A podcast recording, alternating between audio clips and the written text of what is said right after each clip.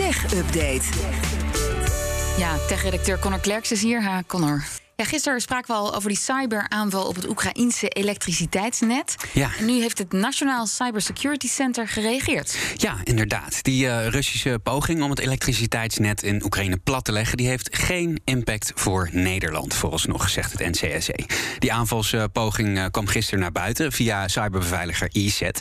En zij maakte bekend dat de systemen van een Oekraïns elektriciteitsbedrijf waren besmet met nieuwe schadelijke software. Indestroyer 2 heet die software. En de eerste versie van van Indestroyer. Die kennen we nog uit 2016. Die werd toen door de Russen ingezet om de elektriciteit in Kiev plat te leggen. Deze aanval die werd uitgevoerd door Sandworm. Dat is een uh, beruchte hackersgroep. Die zijn gelieerd aan de uh, Russische militaire inlichtingendiensten, de, de GRU. En naast Indestroyer 2 werd ook een ander type software ingezet, Caddywiper. En die, uh, was, daar was eigenlijk de bedoeling van om alle sporen van de Russen te wissen. Maar ook alle getroffen systemen, die dus besmet waren, volledig te vegen. Dus zelfs al zouden, ze ze weer, zouden ze alles weer op kunnen starten, dan was er geen enkele informatie meer. En daardoor had het dan veel langer geduurd voordat ze de boel weer, weer aan de praat hadden. Nou, die aanval die kon worden afgeslagen door het feit dat uh, de Oekraïnse overheid heel snel aan de bel trok.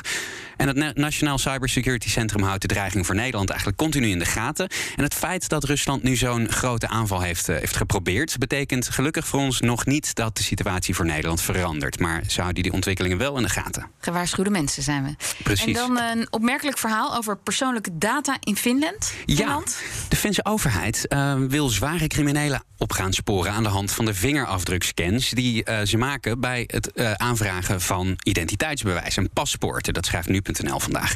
Het zou alleen gaan om het opsporen van daders van ernstige misdrijven, dus denk moord, verkrachting, aanslagen, dat werk. En maar net als in Nederland, eigenlijk laat je in Finland, als je je uh, paspoort af wil, als je paspoort op wil halen, of een nieuw paspoort wil, dan laat je je vingerafdruk ja. afnemen. En die afdrukken die komen allemaal in een database. Dat is logisch, want die moeten gecheckt kunnen worden of jij er wel bent wie je zegt dat je bent. Nou, de Finse overheid wilde eigenlijk al eerder dat de, deze vingerafdrukken zouden kunnen worden gebruikt voor crimineel onderzoek. In 2014 deden ze onderzoek naar de mogelijkheden daarvoor. Toen bleek dat niet te kunnen door Europese regels, maar nu denken ze dat het wel mogelijk is omdat een aantal regels Oh. zouden zijn aangepast. En daar wordt die interessant voor ons, Lisbeth. Want in theorie zou dat volgens mij betekenen dat het in Nederland ook zou mogen als ze dat in Den Haag zouden willen, tenminste. En dat vind ik wel een beetje griezelig, hè?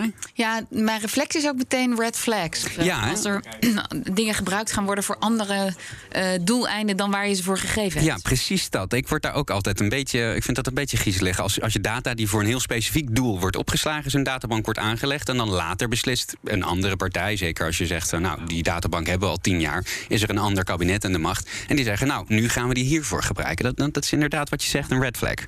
En dan nog een bericht waar ik lang over na moest denken. Russische kijkers klagen Netflix aan. Ja, een aantal uh, Russische Netflix-kijkers wil een schadevergoeding... omdat uh, Netflix de dienst heeft opgeschort in Rusland... naar aanleiding van uh, de ja, inval in als Oekraïne. sanctie, hè? Als sanctie, soort van... ja, Netflix is zelf als commerciële partij besloten om terug te trekken. Volgens die Russen worden hun rechten als consument daardoor geschonden. Het gaat om een class action zaak, dus een, een groep Russen bij elkaar... die dan in één zaak eigenlijk tegen Netflix gaan procederen... Ze willen een schadevergoeding van zo'n 60 miljoen roebel bij elkaar. Dat is momenteel zo'n uh, 660.000 euro omgerekend. Maar ik geef ze eerlijk gezegd weinig kans.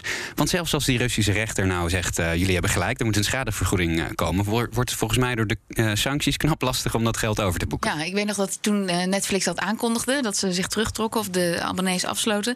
dat iemand twitterde van ja, dit wordt het kantelpunt in dat conflict. ja, ja. Netflix gestopt. Ja, het zou zomaar kunnen. Helaas niet. Dankjewel, Connor. De BNR Tech Update wordt mede mogelijk gemaakt door Lenklen. Lenklen. Betrokken expertise, gedreven resultaat.